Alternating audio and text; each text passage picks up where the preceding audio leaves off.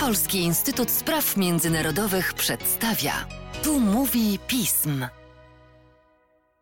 W podcaście Polskiego Instytutu Spraw Międzynarodowych wita Państwa Łukasz Jasina.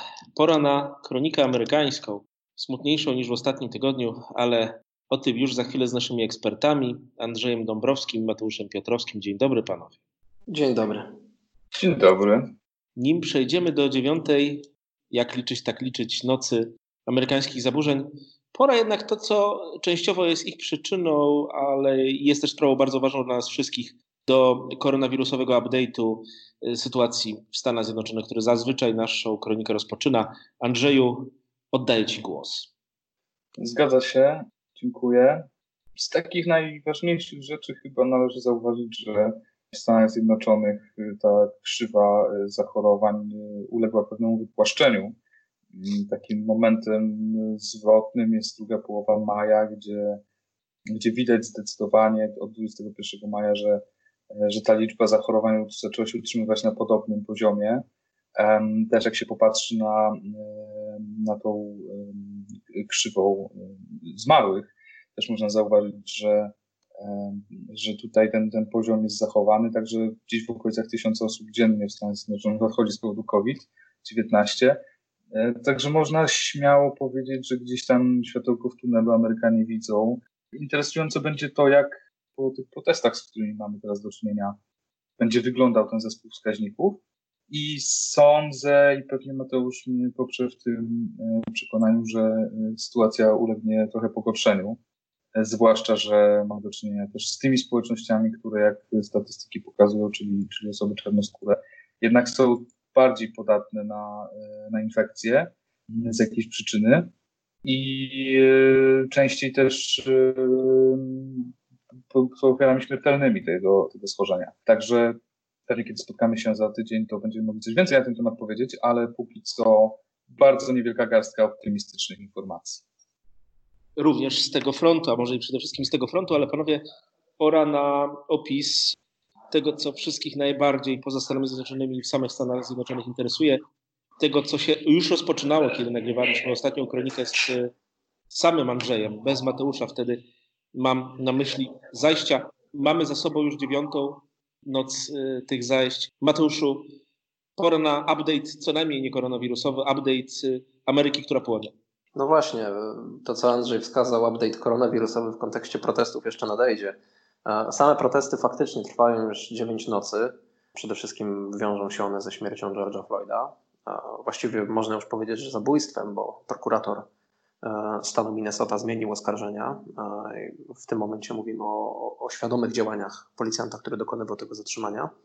To chyba nie wydaje się, że zadośćuczyni, e, zadośćuczyni protestującym te wyroki wysunięte zarówno wobec tego policjanta, który dokonywał zatrzymania, jak i towarzyszącym mu innym osobom, bo tam też pojawiły się oskarżenia o współudział i podżeganie do morderstwa, w związku z tym, że właściwie nie zrobili niczego, by, by tej sytuacji zapobiec to raczej nie wyciszy tego ruchu. Przelała się pewna e, czara goryczy w, w amerykańskim społeczeństwie, przede wszystkim wśród mniejszości.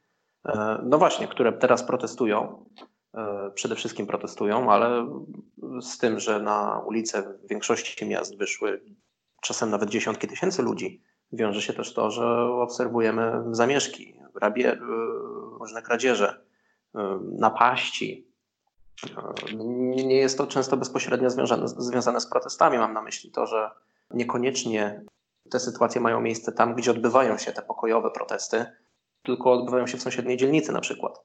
E, te osoby nie mają ochoty protestować, nie, nie czują się związane z tym ruchem, po prostu ich celem jest e, no, no, sianie chaosu, nazwijmy to tak, tak ogólnie. Statystyki pokazują, że zatrzymano dotychczas no już ponad 10 tysięcy osób w związku z e, właśnie z tymi wszystkimi okolicznościami. Zginęło aż 16 osób. Większość w tych działaniach towarzyszących, a nie w bezpośrednich spotkaniach protestujących z policją. Zginęli, zginęły osoby, które próbowały się włamać, czy osoby też, które bronią, próbowały bronić swojej własności w trakcie takich włamań w wyniku postrzeleń, między innymi. E, więc ta sytuacja póki co się nie uspokaja. Właściwie nie widać takiego punktu, w którym Amerykanie mogliby stwierdzić, że cel został w pewnym sensie osiągnięty i można wrócić do domów. protesty mogą zostać zakończone, to raczej będzie trwało. Pytanie, jak sobie będą z tym radzić dalej władze stanowe i władze federalne. Mam na myśli tutaj wyciszanie agresji, agresji społecznej, dążenie jednak do takiego uspokojenia by w jak największym stopniu te, te protesty miały jednak formę pokojową, a te, te agresywne formy, e, wandalizm i tego typu rzeczy były jednak e, no, kontrolowane przez, przez służby mundurowe. Władze federalne, o których wspomniałeś, ich relacje z władzami stanowymi. Prezydent Trump e, bardzo mocno zaznacza swoje stanowisko w tej sprawie ale bardzo poważnym problemem jest też kwestia użycia w sytuacji wewnętrznej amerykańskich sił zbrojnych. No tak, zdecydowanie. E, tutaj oczywiście już siły zbrojne są w użyciu, bo. Gwardia Narodowa to siły zbrojne. Tak, tak. Gubernatorzy, gubernatorzy mają oczywiście możliwość wykorzystania właśnie Gwardii Narodowej w ramach swojej jurysdykcji. I zazwyczaj gwardie póki co nie były kierowane do bezpośrednich działań. W większości miast gwardie narodowe pozostają na uboczu, no niejako w gotowości gdyby, gdyby sytuacja zaczęła się wymykać spod kontroli. W stolicy na przykład y, gwardziści zostali zaangażowani. Skończyło się to no, słynnym już powiedzmy rozganianiem tłumu sprzed Białego Domu, no, chociaż tam pojawiają się sprzeczne informacje ze strony mediów i ze strony administracji Trumpa co do tego, kto odpowiadał za, za rozpuszczanie y, gazu łzawiącego i salwy z kul gumowych do protestujących. To nie jest aż tak istotne. Niemniej klucz problemu jest to, czy Donald Trump zdecyduje się w przypadku e, eskalacji w którymś z miast sfederalizować e, Gwardię Narodową w danym stanie i skierować ją wtedy, no właśnie, według własnej woli, plus wysłać aktywne jednostki, e, jak na przykład żandarmerię wojskową jednostki, jednostki aktywne, aktywnych rodzajów sił zbrojnych, by, by też prowadziły no, poniekąd kontrolę, kontrolę tych protestujących. Pewne działania zostały już podjęte ze strony administracji. Pod stolicę zostały ściągnięte wybrane oddziały trzy dni temu. Te jednostki tam pozostawały w bazie lotniczej Andrews pod, pod DC. Tutaj pojawił się pewien rozdźwięk. Trump oczywiście argumentował, że, że może to zrobić i po uruchomieniu odpowiedniej ustawy oczywiście mógłby, jak najbardziej. Natomiast sekretarz obrony Mark Esper wczoraj stwierdził, że no, jego zdaniem jest to no, pewna ostateczna, ostateczna metoda do poniekąd no nie walki, ale jednak radzenia sobie z kontrolą protestujących. W związku z czym stwierdził, iż te jednostki powrócą do swoich pierwotnych miejsc bazowania. W ciągu dnia jeszcze oczywiście ta decyzja została e, odwrócona po rozmowie z Trumpem. Tutaj e, na pewno trzeba będzie śledzić w kolejnych dniach, jak relacje między sekretarzem obrony a prezydentem się się układają, bo ewidentnie w związku z tym doszło do wyraźnego rozdźwięku i no poniekąd podważenia, przynajmniej tak mi się wydaje, Trump może to odbierać, podważenie jego autorytetu jako, jako no, przywódcę narodu. No cóż, e, wszyscy wiemy, jak e, wyglądały relacje pod koniec, zwłaszcza Trumpa z e, poprzednim sekretarzem obrony i co on teraz mówi. Więc zawsze można na zasadzie analizy historycznej coś tutaj porównywać. Ale Mateuszu, o ile jeszcze Andrzej nie chciałby czegoś dopowiedzieć? Jeszcze nie teraz. Chciałby. Chciałby. Chciałby. Tak, bo tu kontekst polityczny jest istotny. Zachowanie prezydenta Trumpa, które wywołało takie ogromne oburzenie w amerykańskich y, mediach, których Trump pozostaje, z którymi Trump pozostaje w konflikcie, że prezydent jakby kazał rozgonić tłum po to, żeby móc się sfotografować, przed kościołem mm, z Biblią w ręku. Kontekst polityczny jest o tyle ważny, że on doskonale zdaje sobie sprawę z tego, że czarnoskórzy Amerykanie nie głosują ani na republikanów, ani nie głosują na republikańskiego kandydata na prezydenta. Donald Trump już prowadzi kampanię wyborczą, on jest e, zdeterminowany, żeby wytaczać najcięższe działa przeciwko i demokratom, i Joe Bidenowi.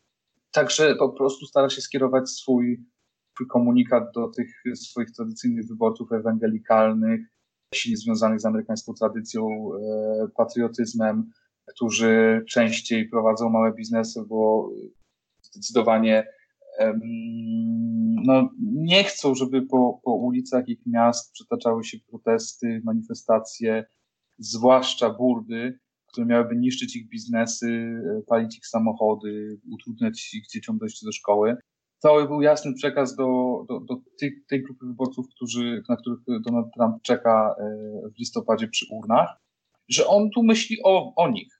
Nie obchodzi go, co powiedzą demokraci, nie obchodzi go, co powie o nim CNN, nie interesuje go y, głos ulicy, jego interesuje e, to, co w tych czerwonych stanach e, ciężko pracujący, średnio zarabiający i, co niedzielę pojawiający się w kościele wyborcy e, będą myśleli o nim. Także zresztą to potwierdza taki, taki tutaj przez nas z Mateuszem przygotowany wcześniej sondaż, że prawie połowa Amerykanów nie zgadza się z tym, jak Donald Trump postępuje w kwestii tych, tych protestów ulicznych.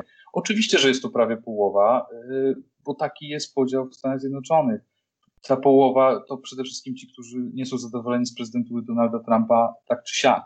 Więc nie należy oczekiwać, że nagle dojdzie do jakiegoś kopernikańskiego przewrotu w tych obszarach poparcia i że z powodu tego, że na ulicach Waszyngtonu przestanie na Trumpa głosować ludność z, z małych miejscowości i wsi w stanie Arkansas, w Arizonie czy w Teksasie. Także należy pamiętać o tym, że ta, ta Ameryka to jednak są dwa światy i diametralnie od siebie się różniące i zresztą coraz mocniej każdego dnia. Skąd my to znamy, skąd my to znamy? Panowie, oddając Wam znowu głos, pytanie, jak w związku z tym można w tej chwili szacować element wpływu tych protestów na y, amerykańską kampanię wyborczą, która się rozwija, którą czekają w najbliższym czasie być może konwencje, która zresztą na przykład w wypadku republikanów ma w tej chwili problem lokalizacyjny. Czy to jest ten taki gigantyczny moment zmiany politycznej Stanów Zjednoczonych, też jeszcze za wcześnie, aby tego typu profetyczne wizje snuć? Moim zdaniem jest za wcześnie, jeżeli mogę zacząć. Jednak trzeba poczekać na to, jak ten protest, y, jak ten ruch się rozwinie, czy to, czy to przetrwa, czy pójdzie dalej w pewnym sensie niż tylko zapowiadana na przykład przez Bidena reforma policji, ale kongres też zaczyna o tym mówić, o ograniczaniu uprawnień funkcjonariuszy, e, jeżeli chodzi o łatwość użycia siły przez nich. Czy, czy ten ruch po prostu sięgnie dalej? Pewne konsekwencje wyborcze, które już widać, no właśnie, czy na Trumpa to wpływa być może, jeżeli chodzi o moment, widać pewną różnicę, że Donald Trump stracił w sondażach, ale za tydzień to się może odwrócić, bo to jest jednak bardzo krótkoterminowa prognoza. E, na pewno te protesty, przynajmniej nie wydaje mi się, że, żeby te protesty wpływały na wyniki wyborcze tak bardzo, jak będzie wpływać sytuacja gospodarcza po pandemii. Tu jednak te skutki będą długo bardziej, e, dużo bardziej długoterminowe niż tych protestów. Tak to przynajmniej postrzegam. To, co wydaje mi się, że będzie miało wpływ, dotyczy kampanii wyborczej Bidena. Zakładam, że poniekąd będzie chciał on mniejszościom, szczególnie mniejszości czarnoskórej, zadośćuczynić wybierając kandydatkę na wiceprezydenta. Zresztą pewna presja już się w tę stronę pojawiła, by to była przedstawicielka mniejszości. I być może, jeżeli raczej przed wynikiem wyborów nie, będzie, nie będzie takich zapowiedzi, ale jeżeli Bidenowi byłoby dane wygrać w listopadzie, no to w doborze y, poszczególnych osób w administracji zakładam, że ewentualnie czynnik, y, który wywyższałby, że tak powiem, administrację Bidena pod względem udziału osób z innych ras niż biała, miałby istotne znaczenie w formułowaniu tego najbliższego otoczenia. Ciekawa sprawa. Andrzeju, jeszcze teraz coś to powiesz, czy, bo następne pytanie jest z myślą o tobie. Może tylko taką drobnostkę. Zapytałeś Mateusza, czy jego zdaniem to coś zmieni. Mateusz mówi, że za wcześnie, żeby stwierdzić. Ja uważam, że, że nie. O, że e, nie pokłócicie się. Przez, nie będziemy się kłócić. E, będziemy się twórczo wspierać. E, myślę, że przez ostatnie, znaczy przez ostatnie lata mieliśmy do czynienia już z licznymi przykładami tego, że z rąk amerykańskich policjantów, nie tylko białych, nie oszukujmy się, ginęli czarnoskórzy e, mieszkańcy USA. Były z tego powodu zamieszki, były z tego powodu niepokoje. One miały mniejszy, bardziej lokalny charakter. Czasami roznosiły się na, na, na cały stan. Były kontrowersyjne wyroki sądowe uniewinniające samoobronę, taką, no, na pierwszy rzut oka widać, że nie do końca e, odpowiednią, jeżeli chodzi o, o natężenie tej siły, czyli zastrzeżenie na Florydzie Trayvona Martina na przykład. I to nic nie zmieniło. To znaczy, potwierdzają się słowa amerykańskiego kongresmena Eliota Engela, zresztą członka Komisji Spraw Zagranicznych Izby Reprezentantów, który przy mikrofonie, myśląc, że ten mikrofon jest wyłączony, stwierdził, że w zasadzie to wszystko by go nie obchodziło, gdyby nie to, że musi startować w prawyborach swojej partii przed wyborami w listopadzie. Także ja sądzę, że to jest ten rodzaj poparcia, na jaki mogą liczyć czarnoskórzy Amerykanie, jeżeli chodzi o poprawę ich sytuacji życiowej. To jest ten rodzaj poparcia, jaki otrzymają od demokratów, czyli tych, którzy, którzy im obiecują. Czyli poparcie w sferze deklaratywnej, nic poza tym. To, ten podział rasowy, ta, ta niechęć, owszem, będzie się pogłębiała, ale czy dojdzie do jakiejś strukturalnej zmiany w Stanach Zjednoczonych z powodu tego, z czym mieliśmy do czynienia, czyli ze śmierci kolejnego czarnoskórego Amerykanina z rąk policjanta, ja bym na tego konia nie stawiał. I to jest bardzo twarde i ciekawe stwierdzenie, Andrzeju, które będę Cię trzymał za słowo. Mateusza zresztą też, bo ktoś jak ktoś, ale ja muszę pamiętać dokładnie, co powiedzieliście w tych podcastach. Panowie, i tak będziemy jeszcze, podejrzewam, o sytuacji po tych protestach mówić nie jeden raz, więc trzeba także przypomnieć, że w Stanach Zjednoczonych różne rzeczy się dzieją i poza nimi. Pomijając kwestię oczywiście lotu kosmicznego, o którym mówiliśmy z Andrzejem poprzednio i którym wystąpił, wydarzyło się bardzo ważne wydarzenie e, zainicjowane przez amerykańskiego sekretarza stanu, który, które wpisuje się w e, amerykańską e, nową terminologię dotyczącą Chin, Hongkongu i innych miejsc. Andrzeju, opowiesz nam o nim?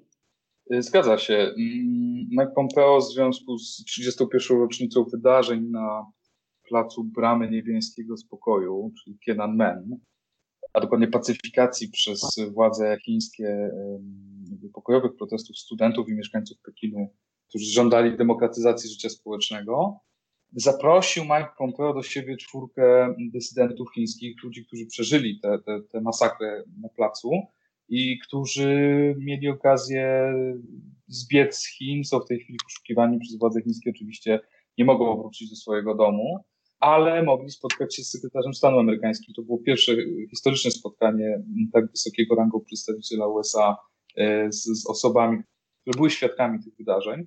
Jednocześnie była to bardzo mocna deklaracja amerykańskiego rządu, że oprócz tego sporu ekonomicznego z Chinami, oprócz tego sporu o, o to, kto jest odpowiedzialny za rozprzestrzenienie się globalnie e, wirusa, koronawirusa, będą również kładli coraz większy nacisk w swojej polityce względem Pekinu e, na to, e, jak Chiny e, wywiązują się ze swoich obietnic, czy też międzynarodowych zobowiązań, jeżeli chodzi o przestrzeganie praw człowieka. To się łączy ze sprawą Hongkongu bardzo mocno, no ale to się łączy też z tym, że jest to kolejny z elementów amerykańskiej, amerykańskim życiu publicznym, a dokładnie w kampanii wyborczej prezydenta Trumpa w ramach poszukiwania takiego wroga, wroga absolutnego dla Stanów Zjednoczonych. No i są to Chiny. Ten kurs się już nie zmieni. Myślę, że przynajmniej nie, nie do listopada, e, czyli do wyborów. Donald Trump będzie wyciągał takie kolejne, kolejne elementy, które, które będą pogarszały relacje e, z Pekinem. Ponadto decyzją amerykańskiej administracji chociażby od 16 czerwca nie będzie można latać y, chińskim linią lotniczym z, Chin do Stanów Zjednoczonych. Departament Transportu y, ogłosił, że w związku z tym, że chińskie władze nie przestrzegają zasad regulacji tego stowarzyszeń międzynarodowych lotniczych oraz kilku innych przyczyn związanych z koronawirusem, między innymi gospodarką, nie będzie można wsiąść w Air China i wystartować w Pekinie i wylądować na przykład w San Francisco albo w Los Angeles. Oczywiście Chińczycy odpowiedzą na to e, swoimi sankcjami, nazwijmy to tak, te ograniczenia, jednocześnie zwiększając możliwości dla, dla linii lotniczych nieamerykańskich do tego, żeby, e, żeby latać e, na, tych najbardziej obleganych trasach. Więc ten, ten, ten konflikt się pogłębia i on coraz mocniej przechodzi na kolejne etapy, na kolejne poziomy, które myślę, że jeszcze dadzą nam wiele do tematów do rozmowy do, do, do listopada, kiedy okaże się, czy chińska e, Wunderwaffe Donalda Trumpa zadziałała na amerykańskich wyborców. Wtedy to chyba będziemy musieli panowie robić specjalny nocny streaming na YouTubie. Zresztą jako Lumina starsza od was mam nadzieję, że się nie powtórzy sytuacja sprzed 20 lat i te wybory będziemy, ich rozstrzygnięcie znaczy będziemy znali na początku listopada. Panowie, trzymając kciuki bardzo mocno za to, żeby Ameryka nam trochę mniej płonęła, bo to jednak najważniejszy kraj na świecie i nie powinny się tam takie rzeczy dziać. Dziękuję Wam bardzo. Nasz najważniejszy sojusznik. Tak jest, ale nie tylko nasz najważniejszy sojusznik. Takie imperium Romanum naszych czasów na skalę naszych możliwości. Panowie, dziękuję Wam bardzo za to, że uszczknęliście trochę ze swojej wiedzy i kompetencji dla nas. Dziękuję. Dzięki. Dzięki. Życzę Wam dużo, dużo zdrowia.